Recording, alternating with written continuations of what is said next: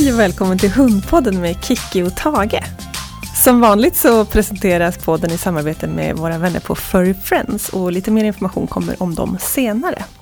Och idag så sitter jag här tillsammans med Isabelle Berlin. Välkommen hit! Tack så jättemycket, tack! Och vi sitter här för att jag är så nyfiken på din historia tillsammans med din hund Pongo. Mm.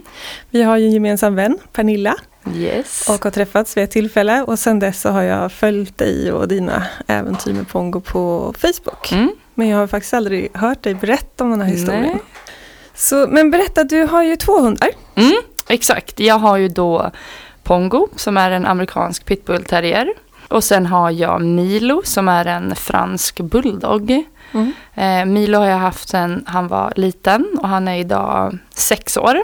Och eh, Pongo har jag haft i tre år och han är nio år Mm. idag. Och som sagt, vi ska prata om Pongo framförallt idag. Och berätta, hur, hur eh, kom du i kontakt med Pongo? Jo, det var så här att eh, jag var uppe väldigt tidigt en eh, lördag morgon för tre år sedan. Och eh, så bor jag på Kungsholmen där det finns ett eh, härberge eh, väldigt nära där vi bor. Och då så såg jag en svart luvtröja. Det såg ut som en hund under luvtröjan fastkedjad utanför det här härberget. Jag kunde inte se ansiktet för att luvan var på hundens huvud. Och jag ställde mig en bit ifrån för att jag hade ju då Milo med mig. Valde att eh, gå hem och lämna Milo och sen försöka gå fram dit och eh, knacka på på härberget och ja, men fråga lite vems eh, hund det var för det såg inte jättetrevligt ut. Eh, Pongo kunde inte lägga sig ner så han såg väldigt strypt ut när han låg där. Han försökte lägga sig ner eh, men de hade kedjat fast honom väldigt hårt. Mm. Så jag knackade på eh, och berättade för personalen då att eh, hunden här utanför inte ser ut att må jättebra.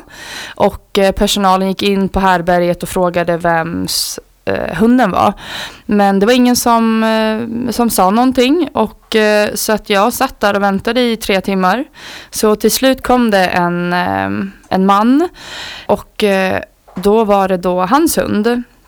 Han hade varit på Eh, akuten på Sankt Görans för att eh, de hade varit i slagsmål eh, kvällen innan, han och eh, Pongo.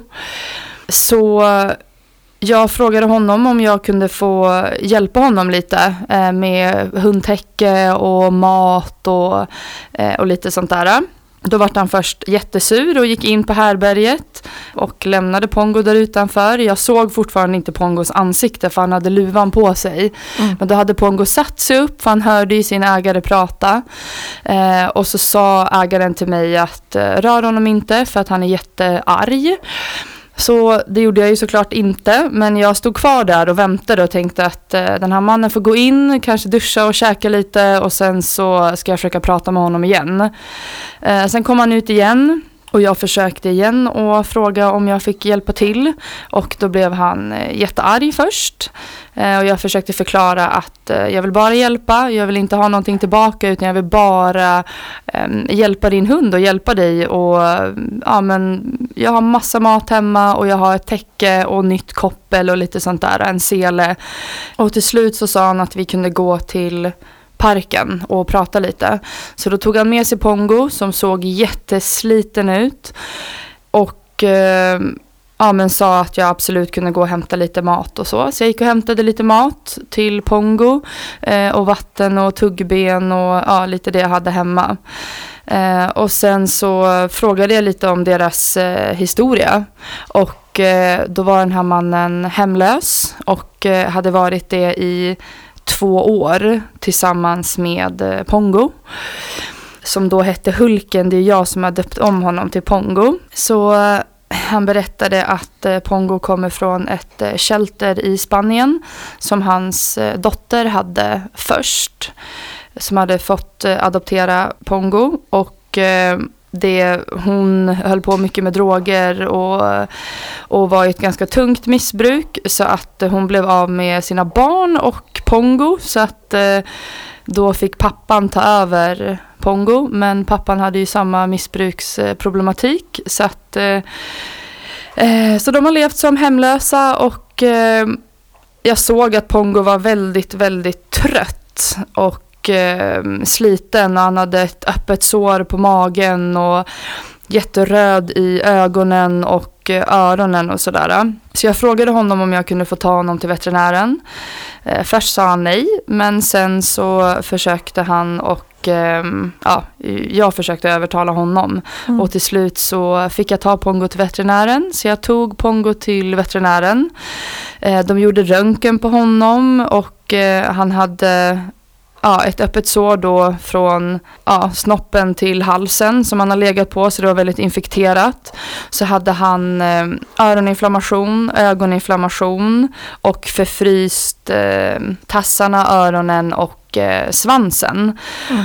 Så att han fick sättas på lite olika medicineringar och eh, de gjorde en röntgen på honom och såg att han hade många eh, brutna ben som hade växt ihop fel eh, och sådär. Och och eh, sen så skulle jag möta den här mannen i våran lilla park efter att jag hade varit hos veterinären. För jag berättade vilken tid vi skulle dit och sådär.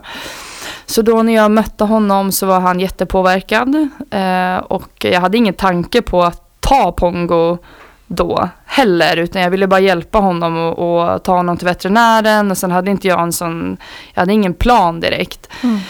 Eh, och då så sa jag att, eh, frågade om han kunde få sova hos mig några nätter samtidigt som han fick börja sin medicinering för han behövde äta medicin tre gånger per dag. Och han skulle smörjas och, och lite sådär.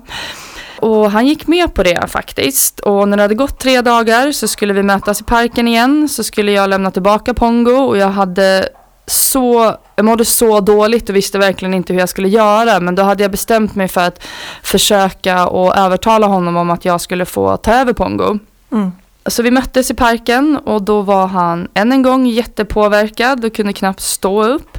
Så jag sa det till honom att eh, det här kommer inte funka. Vi möts imorgon igen och då vill jag att du är nykter och jag vill att du tänker på om jag kan få köpa honom av dig. Och det skulle han göra. Och jag hade fixat med papper redan hos veterinären och sådär, giltiga papper. Eh, och sen så möttes vi dagen efter och då krävde han 5000 kronor av mig. Mm. Och eh, det gav jag honom och vi skrev under papperna och eh, han tittade inte ens bak på Pongo utan bara gick. Mm. och jag tog hem Pongo. Mm. Och ja, det har varit de tuffaste men finaste tre åren i mitt liv.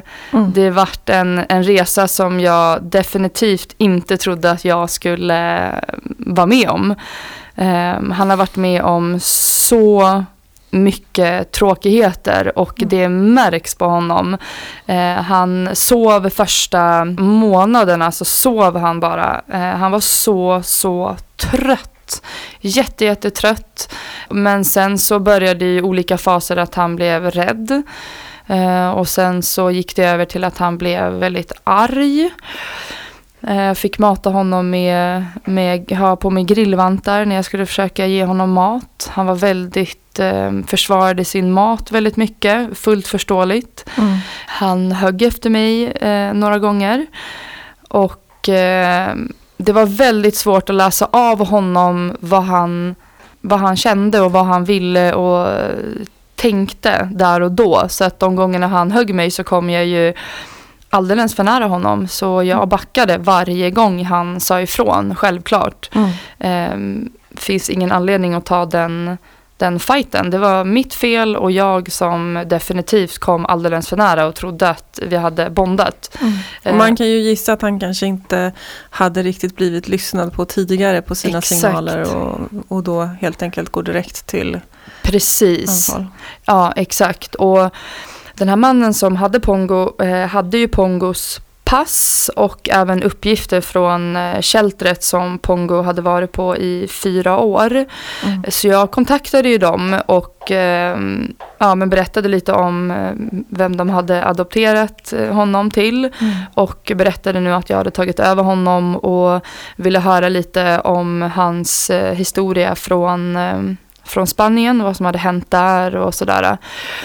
Eh, och då var det faktiskt en svensk tjej, hon jobbar inte där nu men hon jobbade på det här uh, sheltret då. då som jag fick jättefin kontakt med och hon eh, berättade att han hade levt som baitdog på en eh, gård. Mm. Alltså blivit fastkedjad utanför sitt hem och sen så är det andra hundar som får komma in och eh, fightas med honom. Mm. Så han eh, har ju haft det väldigt, väldigt tufft och satt på det här sheltret i fyra år för att han var så svår. Mm. Det var väldigt svårt att, att läsa av honom, eh, berättade hon. Att ena dagen kunde han vara jättepigg och glad och sen andra dagen så var han jättearg. Mm. Enligt dem arg då, enligt mig så är det ju säkert en, en osäkerhet och eh, en otrygghet som han känner. Det kan ju jag fortfarande än idag känna av att han ibland får det här eh, stressen och att han verkligen fryser till is men att jag kan tina upp honom idag vilket mm. känns så himla himla skönt. Mm. För han vet att det händer ingenting med honom när han blir stressad eller otrygg utan jag låter han vara i det mm. och bara försöker att finnas där för honom istället för att dra honom ur det eller pusha honom. Mm. Jag har varit väldigt noga med att han ska få känna det han känner. Mm. Eh, han får vara arg, han får morra, han får eh, ja, men känna det han, det han har varit med om och upplevt. Jag är bara tacksam att han kan säga ifrån. Mm, att han visar vad han känner Ja men exakt, verkligen ja. vågar eh, morra till mig eller morra åt någon. Nu gör han det väldigt, väldigt sällan för vi, för vi utsätter inte honom för mm. de sakerna och han idag är väldigt duktig på att gå ifrån. Mm. Jätte, jätteduktig. Han, första tiden hos, eh, hos mig så låg han i hallen eh, eller i badrummet och var skakade och var väldigt, väldigt orolig. Än idag när jag får kompisar hem så går han ofta till hallen och lägger sig och då brukar jag bädda till honom där. Mm. Eh, med kuddar och täcke och värmefilt så ligger han där tills eh, gästerna har, har gått. Mm. Och det tycker jag är så otroligt viktigt. Och det är viktigt för mina vänner också. De vet precis vad som gäller när man kommer hem till oss. Mm. Eh, att ehm, Pongo har sitt space och eh, det förtjänar han och ingen får kliva in i hans space om han inte tillåter det. Mm. Eh, det tycker jag är eh, jätte, jätteviktigt. Sen så har ju jag också en eh, mamma och pappa såklart. Mm. Eh, som han älskar jätte, jättemycket. Han avskyr män. Men han älskar min pappa. De har ett band som är jag blir rörd än idag och tittar på det när de Pongo går efter pappa och pappa är så otroligt mjuk och fin och mm. förstående mot Pongo. Och jag tror aldrig han har upplevt det förut. Så att eh, det tog sin lilla tid och det var många, många eh, nätter som pappa låg på golvet med Pongo och bara försökte att visa att han finns här och eh, jag är en trygghet för dig. Så att idag så är de som Bill och Bull och det är så mm. härligt att se. Underbart. Ja, helt fantastiskt. Ja. Mm. Om man tänker tillbaka på den här första tiden, hur, hur, om du skulle beskriva mer i detalj, hur var den med Pongo? Hur var han? Eh, du berättade först, att han låg och skakade i Ja, första eh, tre veckorna så sov han väldigt, väldigt mycket men, men väldigt oroligt. Man märkte mm. att han var trött och att han hade eh, sovit ute och, och, hans ägare berättade ju då att de hade sovit i T-centralen och mm. men på tunnelbanan och där är det ju aldrig lugnt. Nej. Så han var väldigt, väldigt trött. Han ville inte gå ut. Eh, han var väldigt rädd för minsta lilla jag råkade göra. Um, Som till exempel? Nej men det kunde vara att jag eh, skrattade, mm. eh, hade ljud på tvn, eh, någon granne plingade på eller jag råkade tappa någonting, hårtorken. Alla de här vardagsgrejerna blev stressigt för honom. Som man själv kanske inte ens tänker på. Nej men precis, mm. exakt. Jag kunde inte laga mat för att kastrullerna var jättejobbigt för honom. Besticklådan mm. var jobbigt. Eh, och jag försökte verkligen att vara så lugnt som möjligt och verkligen eh, ja, men bara ta det väldigt, väldigt lugnt med honom. Inte pusha honom, men han behövde ju såklart gå ut och göra sina behov. Mm. Så det var ju ett jätteproblem. Han ville inte åka hissen, han ville inte gå i trappen. Mm. Ehm, Och han väger några kilo. han väger x antal kilon så det var väldigt eh, svårt och jag fick ju inte röra honom första tiden heller. Så att det var inte så att jag kunde bära honom ner för trappen. Så att eh, han kissade mycket inne, eh, bajsade mycket inne men jag var väldigt eh, fine med det. Det kändes inte som ett problem utan jag kände så här nu ska vi eh, få dig att känna dig trygg. Mm. Om du behöver kissa inne, då kissar vi inne om du inte är redo att gå ut. Och det kände Ja men det kändes som, som rätt beslut än att pusha honom för mycket. Sen så låg han ju väldigt mycket i badrummet. Mm. Försökte att försvinna så mycket han bara kunde från mig och eh, Milo då. då. Mm. Eh, han, han gjorde sig väldigt osynlig i början. Men sen när han hade fått eh, sova så några veckor så märkte jag att det switchade lite och då blev han väldigt på helspänn. Mm. Han blev från att vara väldigt rädd till att bli mer väldigt på, på alerten. Han var mer, ja men han var väldigt, eh, han var lite arg Mm. skulle jag vilja, lite arg på tillvaron. Mm. Han eh, ja, men gjorde utfall mot både människor och andra hundar och mig. Mm. Jag kunde inte gå förbi hans bädd utan att han högg i luften eller morrade. Man fick inte vara nära honom alls. Och hur, hur kändes det? Jag tänker så här, för det är ganska ofta som jag hör att folk som tar omplaceringshundar, Mm. särskilt om de har haft det lite tufft tidigare i livet, att det är oftast ganska lugnt i början och Mm. sen efter ett tag Mm. så börjar det komma mer och mer problem. Kanske Mm. inte så allvarliga som med pongo Mm. men, men att det ändå blir att hundarna blir mer besvärliga om man Mm. får använda ett sådant uttryck. Mm. Och jag brukar ju hävda att det är ett sundhetstecken. Mm, Då mm, börjar de absolut. liksom vakna till liv. Mm, exakt. Och jag känner ju dig lite grann så Mm, jag inser mm. att du tycker detsamma. Men Mm. det, jag tänker kan ändå vara intressant att prata lite grann om Mm. hur, för det måste ändå vara ganska tufft när man möts av det tänker jag. Det var jätte, jättetufft. Jag eh, grät eh, många gånger och kände mig eh, totalt värdelös för att det var så otroligt tufft och jag kände att hur ska jag klara det här? Varje gång vi går ut så, så ska han göra utfall mot folk och han ska eh, göra utfall mot andra hundar och han drog jättemycket i kopplet och han eh, stack från mig några gånger. Så det var jättetufft men precis som du säger så tänkte jag att nu får han vakna till liv. Mm. Det här är hans tid och nu behöver jag finnas för honom och visa honom vad det är som, som är okej att göra och inte okej att göra. Mm. Men att jag var väldigt noga med att han får känna de här sakerna. Mm. Och jag tror att jag, jag är väldigt lugn med honom och jag är väldigt trygg i mina signaler till honom också. Eh, samma sak min lilla hund Milo är ju supercool, Mm. vilket har gjort att det här har gått väldigt snabbt tror jag.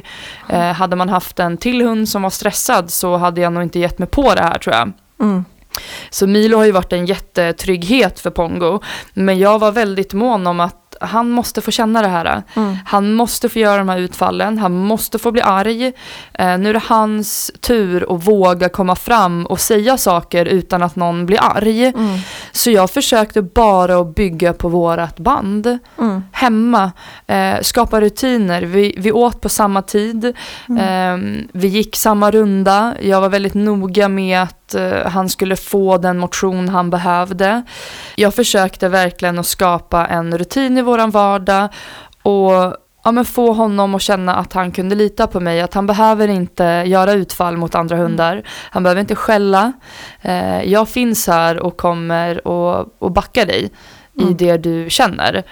Så, Och hur kunde du visa det konkret? Ja, men jag, jag, jag tror att mycket handlar om ens egen energi, ens eget kroppsspråk. Mm. Eh, jag blev inte stressad när han skällde på andra hundar, jag brydde mig inte. Mm. Jag blev inte jag var inte så brydd heller när han gjorde utfall mot människor heller. Utan jag var så här, ja, försökte förklara situationen för folk eh, och var väldigt noga med att kom inte och hälsa. Mm. Eh, väldigt trygg i att eh, nu är det våran tid, det är vi som ska teama upp här. Mm. Ni andra behöver inte bry er. Mm. Vi fick ju eh, väldigt mycket blickar och folk som Mm. ropade på oss och mycket fördomar. Mm. Eh, dels rasen han är och sen också hur han betedde sig. Mm. Så det var ju mycket, mycket tråkigheter som folk sa Mm. till oss och, och blickarna man fick. Men jag försökte verkligen bara att visa honom att eh, med mig är du trygg. Mm. Eh, genom att bara vara lugn med honom, fortsätta promenaden, eh, försöka att inte utmana honom för mycket en dag heller. Mm. Utan jag satte ribban väldigt, väldigt lågt. Så att jag försökte bara vara väldigt, väldigt lugn Mm. med honom att eh, det är okej att bli arg, det är okej att skälla, men här är vi är någonting jag använder mig av jättemycket. Att jag säger Mm. till honom, här är vi, Mm. det är du och jag, jag kommer finnas här för dig och jag kommer att backa upp dig. Du Mm. behöver inte eh, hävda dig eller eh, visa att du är eh, farlig på något sätt, utan nu är det vi som går en promenad och här är vi. En egen bubbla. Ja men verkligen. Så att jag, ehm, jag var nog väl, jag var inte så jättepoppis på Kungsholmen för att jag hejade knappt på mina grannar för att jag var så inne i, Ja. i våran, eh, våran resa och våran rehab som jag kallade det. Mm. Att eh, nu ska han få läka och det är hans tid och nu ska hans liv bli precis så bra som han förtjänar att det ska vara. Mm. Och då behöver jag finnas där för honom och jag kan absolut inte bryta ihop eller bli arg på honom. Eh, för han har inte gjort någonting. Ingenting.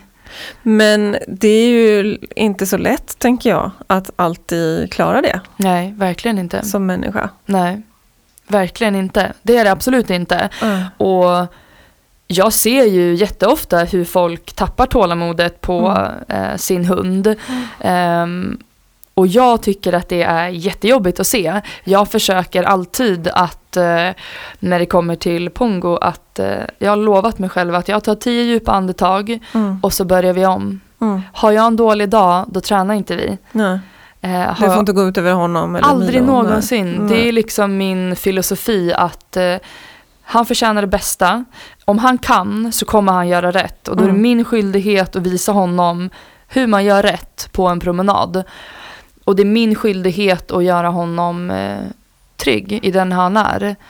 Så jag försökte verkligen bara att ta tio djupa andetag och tänka att eh, allt han gör det är en spegling på mitt jobb. Mm. Så nu är det bara att jobba på med eh, sunda och mjuka metoder. Mm. Så han har ju aldrig varit med om, med mig i alla fall, eh, hårda metoder någonsin. Kommer aldrig behöva uppleva det heller. Nej. Absolut inte.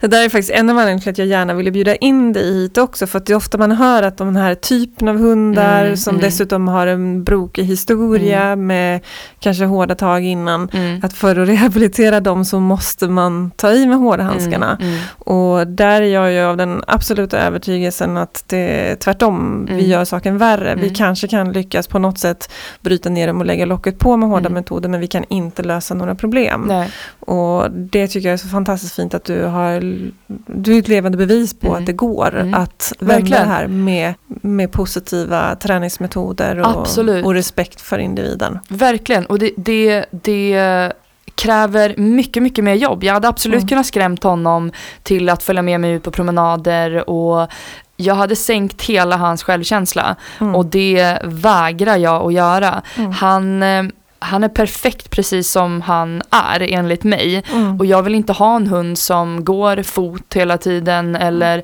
lyder mig konstant. Nej. Det är inte det mitt mål har varit med honom alls. Sen har vi tagit oss jätte, jättelångt, men jag var nöjd.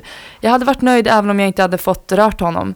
Mm. Det hade varit helt fine om han hade varit känt att nej jag vill aldrig att du ska klappa mig. Då hade jag varit helt fine med det. Mm. För att eh, det är någonting han måste få välja. Det är ingenting som jag kan tvinga på honom. Men eh, nu får ju jag absolut gosa med honom Mm. och eh, jag får ta mat från honom utan problem och han eh, tyr sig jätte, jättemycket till mig och vi har ett jättespeciellt band. Mm. Eh, så jag tror verkligen att eh, det är synd att folk tror att man måste använda sig av hårda metoder. Mm. Det har jag fått höra jättemycket med honom när vi har varit ute och promenerat och han har gjort sina utfall och skällt och man har mött människor som har försökt tipsa mig om att slänga honom på rygg och Mm. eh, ja, men, ta på honom helstryp eller vad det nu kan vara för någonting. Men eh, det finns inte en chans att jag eh, skulle göra det. Nej. Absolut inte.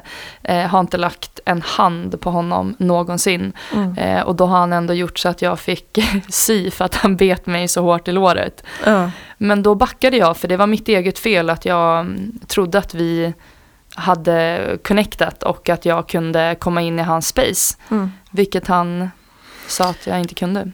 Vad tror du hade hänt om du i det läget hade gått på honom och sagt till honom på skarpen eller lagt ner honom eller så i det läget där han bet dig? Vad tror du hade hänt med honom då och er relation?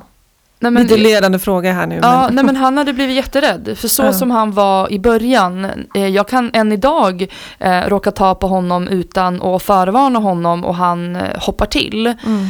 Eh, och det märkte jag jättemycket i början att han har ju absolut åkt på jättemycket stryk. Mm. Och det märker man. Och jag hade fått en avstängd eh, Pongo som Mm. hade gjort och agerat så som jag hade velat i rädsla istället för Mm. att han själv får bestämma eh, vad han vill och vad han tycker och tänker. Mm. Jag hade fått en livrädd hund helt Mm. enkelt som hade följt allt jag hade sagt. Och det där tycker jag är så viktigt att, att liksom ändå poängtera för att jag tycker man stöter på det även i mindre extrema situationer Mm, just med mm. Pongo. Att, Mm. att man tror sig få resultat Mm. av att man säger till på skarpen Mm. men det som i själva verket händer är att hunden kanske blir avstängd Mm. eller jag ser det till exempel i viss hanteringsträning när Mm. man ska lära hunden klippa klorna Mm. eller att man passiviserar hunden Mm. istället för att faktiskt tränarna tycker att det här är okej. Mm, mm, mm. Absolut, och jag ser ju det här hela tiden som bor inne i stan.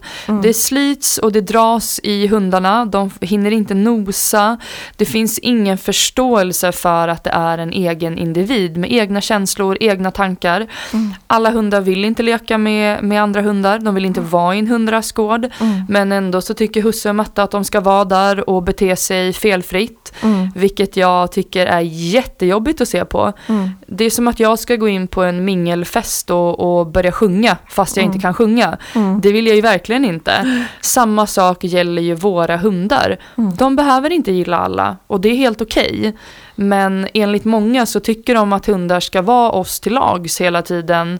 Så jag möter ju jättemycket stressade hundar. Mm. Och det är så himla tydligt. Mm. Och folk blir så imponerad av en hund som som kan gå fot eller en Mm. hund som är eh, duktig på agility eller, eller tävla. Och jag tycker att det är så, så fel. Mm. Jag ser inte lyckan i, i att ha en hund som gör allt man säger.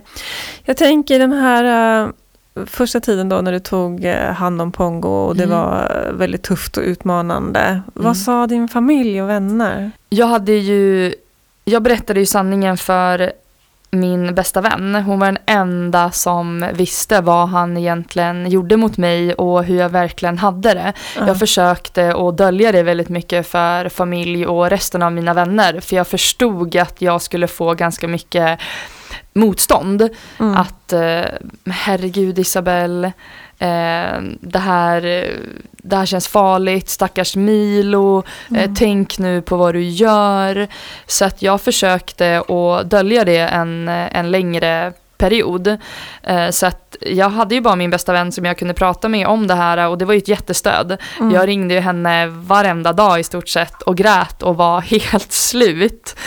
Men eh, sen så öppnade jag upp mig till familjen och eh, mina andra vänner och fick en sån otrolig respons. Mm. Eh, de var superstolta över mig Mm. och eh, stöttade mig i hela den här resan och har varit så otroligt eh, förstående i det här att eh, jag kunde inte bjuda hem mina kompisar längre Mm. för att eh, Pongo ville inte det. Jag kunde inte ha middagar så som jag hade förut för att han tyckte det var jättejobbigt. Mm.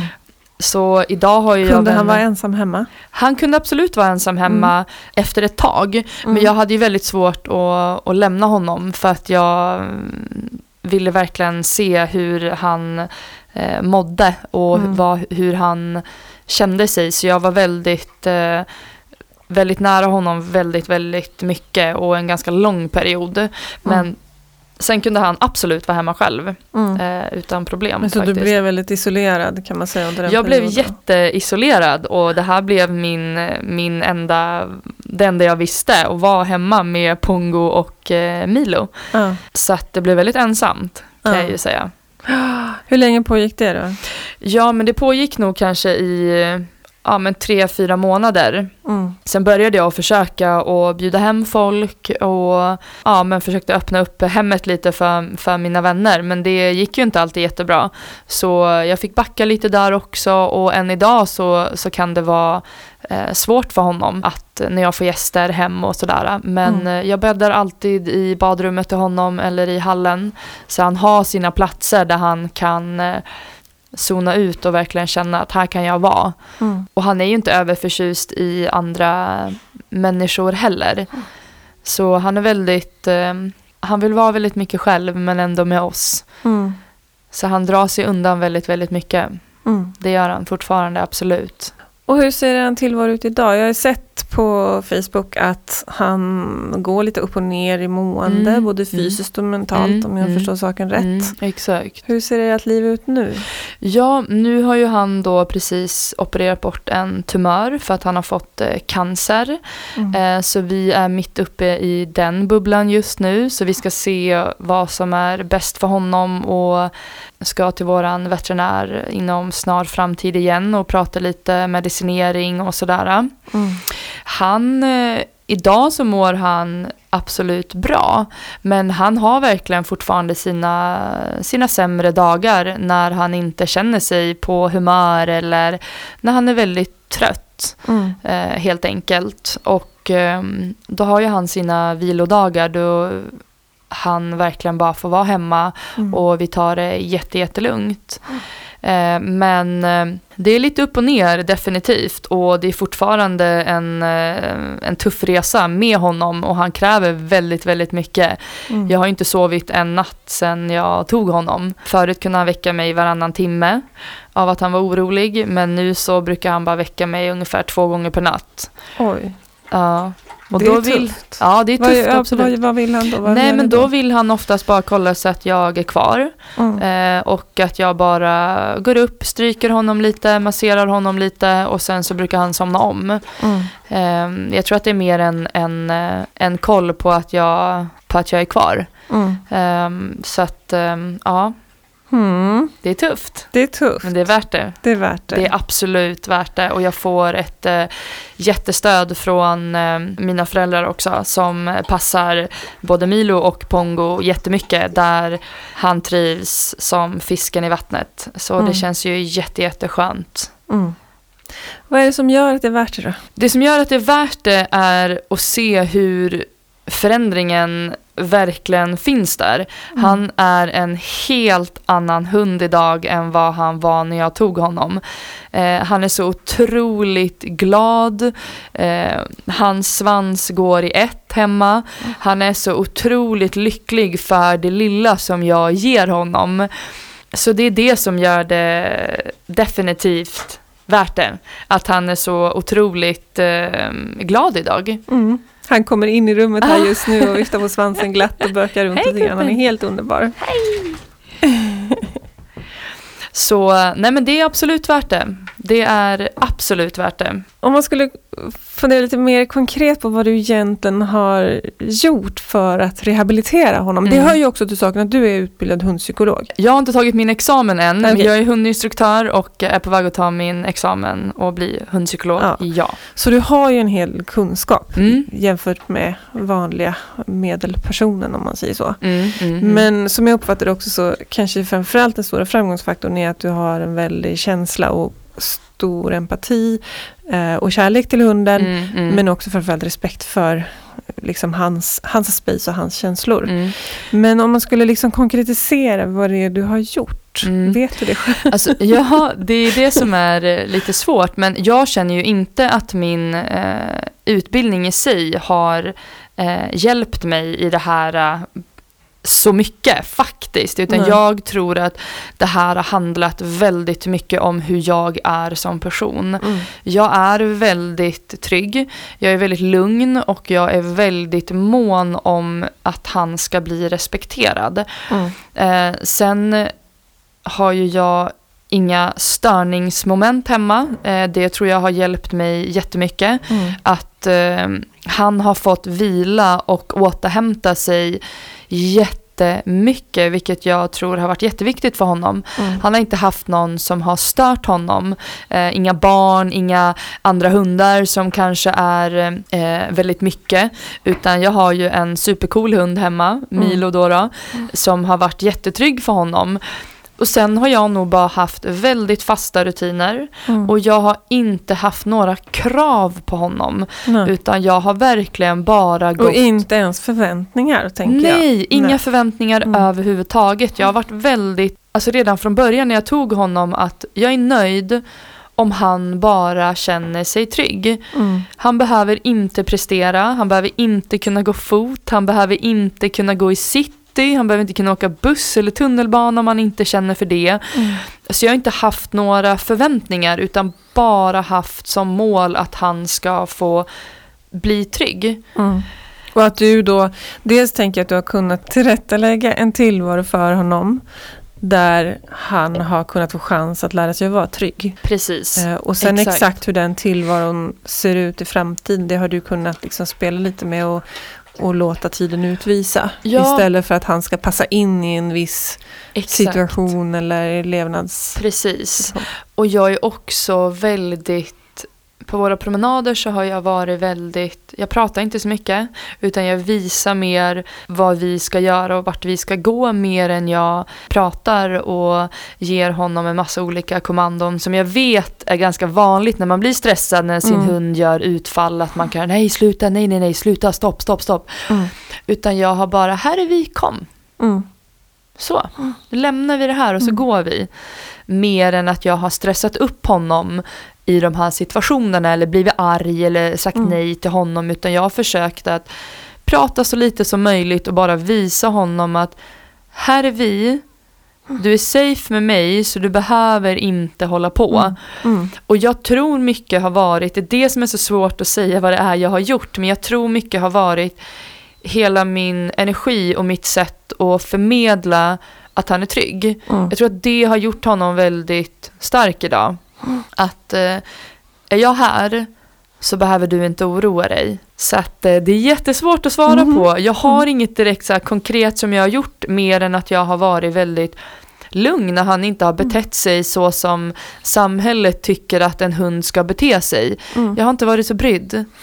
Och så tänker jag att du kanske också har skapat någon form av rutiner och ritualer som han känner igen. Du har Mm. gjort liksom samma, samma, samma så att han Mm. ska känna sig trygg i Mm. att det är så här det ser ut. Jag Ja. behöver liksom inte oroa mig för hur saker ska vara. Precis. Använde mig väldigt mycket av massage när jag fick eh, eh, ta på honom till slut. Så Mm. jag masserar honom morgon och kväll. Mm. Eh, det är liksom våran, våran grej att, eh, att det gör jag också när vi åker tunnelbana. Att jag försöker att massera honom på bröstet och Mm. visa att det är lugnt, vi ska sitta här ett tag nu och ta det bara lugnt. Mm. Eh, Så jag har jobbat jättemycket med, med massage med honom. Vilket jag tror har underlättat väldigt mycket också.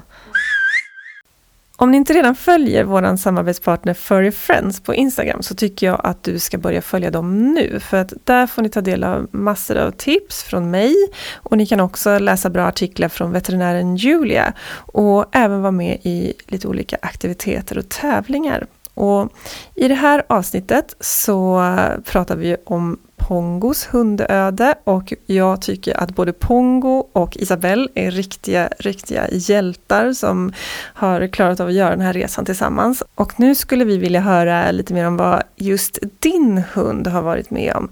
Kanske har din hund hjälpt dig på något sätt eller gjort något annat heroiskt för någon annan. Så nominera din hund så är du med och tävlar om en årsförbrukning av Furry Friends miljövänliga hundbajspåsar. Gå in på Furry Friends Instagram för att läsa mer och vara med och tävla. Det finaste hundödet vinner och hyllas i Furry Friends sociala medier och du kan tävla ända fram till den första november. Jag har tänkt ganska mycket på det här att det är väldigt utmanande att adoptera en hund. Sen mm. är det ju olika vad hundar har haft för liv innan och det kan vara, vara väldigt olika eh, hur lätt den liksom faller in i sitt nya liv. Men har du några tankar kring det? Nej, men jag, jag, eh, jag tror att det är jätte, jätteviktigt att tänka eh, när man väljer att adoptera. Eh, det låter väldigt fint och jag vet att det är många som vill göra en, eh, en god gärning men det kräver väldigt, väldigt eh, mycket och det är många hundar som blir omplacerade, det är många hundar som kommer tillbaka eh, till eh, alla de här olika organisationerna för att man inte eh, mäktar med de här olika faserna som din omplacering hund ofta går igenom. Mm. Eh, det här vi pratade om i början att eh, först kanske hunden är väldigt väldigt trött. Mm. Sen så kanske det går över till att den är jättespänd och kanske till och med blir arg. Mm. Och mm, där tror jag att det verkligen där behöver man tänka, kommer jag mäkta med det? Kommer jag kunna acceptera att min hund blir arg på mig eller känner, känner jag att jag inte fixar det så tror jag att man verkligen behöver tänka om. Och sen också... Nu hör vi Pongos svans slå mot bordet här, han är så glad. Sen tror jag också att det är väldigt viktigt att eh, se över sin eh, miljö hemma. Mm. Eh, hur ser familjesituationen ut? Hur ser, har man fler hundar hemma? Hur är de? Mm. Eh, att man inkluderar alla i familjen och att det inte blir ett ensam projekt. För det är jätte, mm. jättemycket jobb och det är många Det påverkar hela familjen. Det gör verkligen mm. det och det är många faktorer som ska, eh, som ska stämma och det kräver mer än vad många tror. Mm. Att uh, ta en omplacering beroende på såklart vad hunden har varit med om innan. Mm. Uh, men det är ju ett sorts trauma att bara hamna hos en ny familj. Mm. Uh, nya dofter, ny miljö, nya rutiner, mm. ny sovplats. Det är jättetufft för hunden även om den kanske inte har haft det dåligt. Mm. Så är det um, jättekrävande för både hunden och för eh, nya ägarna. Så en, en förståelse och, eh, och våga eh, fråga, fråga och, och ta hjälp innan så att man inte mm. tar ett, eh, ett förhastat beslut för att man vill göra en god gärning. Mm tänker jag. Nej men exakt, för det är ju precis som du säger, det är ju en fantastiskt fin gärning att göra det här. Men mm. man ska nog också vara medveten om att man kan behöva vara beredd att mm. anpassa ganska mycket mm. utifrån den här nya levande varelsen som kommer in i ens liv. Ja, verkligen. Och jag, eh, när jag bara hade Milo så kunde jag röra mig överallt, göra mm. precis det jag ville. Mm. Mitt liv ser inte likadant ut idag. Nej. Men eh, jag skulle inte byta bort det mot eh, någonting. Nej. Eh, faktiskt. Vi har faktiskt gjort ett helt avsnitt om adoptivhundar eller rescuehundar. Mm. Eh, så det kan vi uppmuntra alla att lyssna på mm, också. Mm, och där pratar vi också en del om vad som kan vara utmaningarna men som också var, som är så häftigt med att faktiskt adoptera. Om man skulle summera upp hela det här då, vad, liksom, är det, vad är det positiva med, vad har, liksom, vad, vad har det här med Pongo gett i livet? Liksom? Vad... Det har gett mig jätte, jättemycket. Eh, det är en eh, kärlek och ett band som jag inte trodde existerade, som jag känner till honom. Mm. Och bara de här sa små sakerna som att jag får ta på honom idag, mm. massera honom, mm. att han kommer och, och söker trygghet hos mig på tunnelbanan mm. eh, när han blir orolig eller att jag eh, ser honom vifta på svansen när jag kommer hem. Mm. Alla de här sakerna som många tar för givet. Att mm. han ja, men fixar att åka tunnelbana eller att han eh, sover en hel natt. Sådana saker är så mäktigt för mig tre år senare. Mm. Det är lika stort idag som det var första gången som han eh, slickade på min hand till exempel. Eh, så Ja men det här har gett mig jätte, jättemycket, verkligen. Underbart att höra. Tack snälla Isabel för att du ville dela med dig av din och Pongos historia. Mm, tack Hoppas för att vi fick att komma. inspirerar många till att framförallt tro på de här individerna som kanske har haft det tufft och visar det på ett, kanske inte alltid för oss människor önskvärt sätt. Mm, mm. Men att folk förstår att det handlar om ett uttryck för ja, osäkerhet eller rädsla eller Eller som nu när Pongo säger att nu får ni ha snackat klart snart och det har vi. Så ja, tack snälla för att du ville vara med. Mm, tack så jättemycket. Innan vi rundar av det här avsnittet så vill jag tipsa om att du kan följa oss på sociala medier. Både jag och Hundpodden finns på Facebook och på Instagram. Sök på Kiki Felstenius och på Hundpodden med Kiki och Tage så hittar du oss. På mitt eget konto så får du följa mig i min vardag som hundpsykolog och jag delar med mig av tips och råd och inspiration. Och på Hundpoddens konto så hittar du bilder på våra gäster, får följa med in bakom kulisserna och en massa annat. Vi har även en webbsida, hundpodden.se, där du hittar information om podden inklusive alla avsnitt och extra material. Tusen tack för att du lyssnar på Hundpodden med Kiki Felstenius och Tage the Beagle. Ha en hunderbar dag!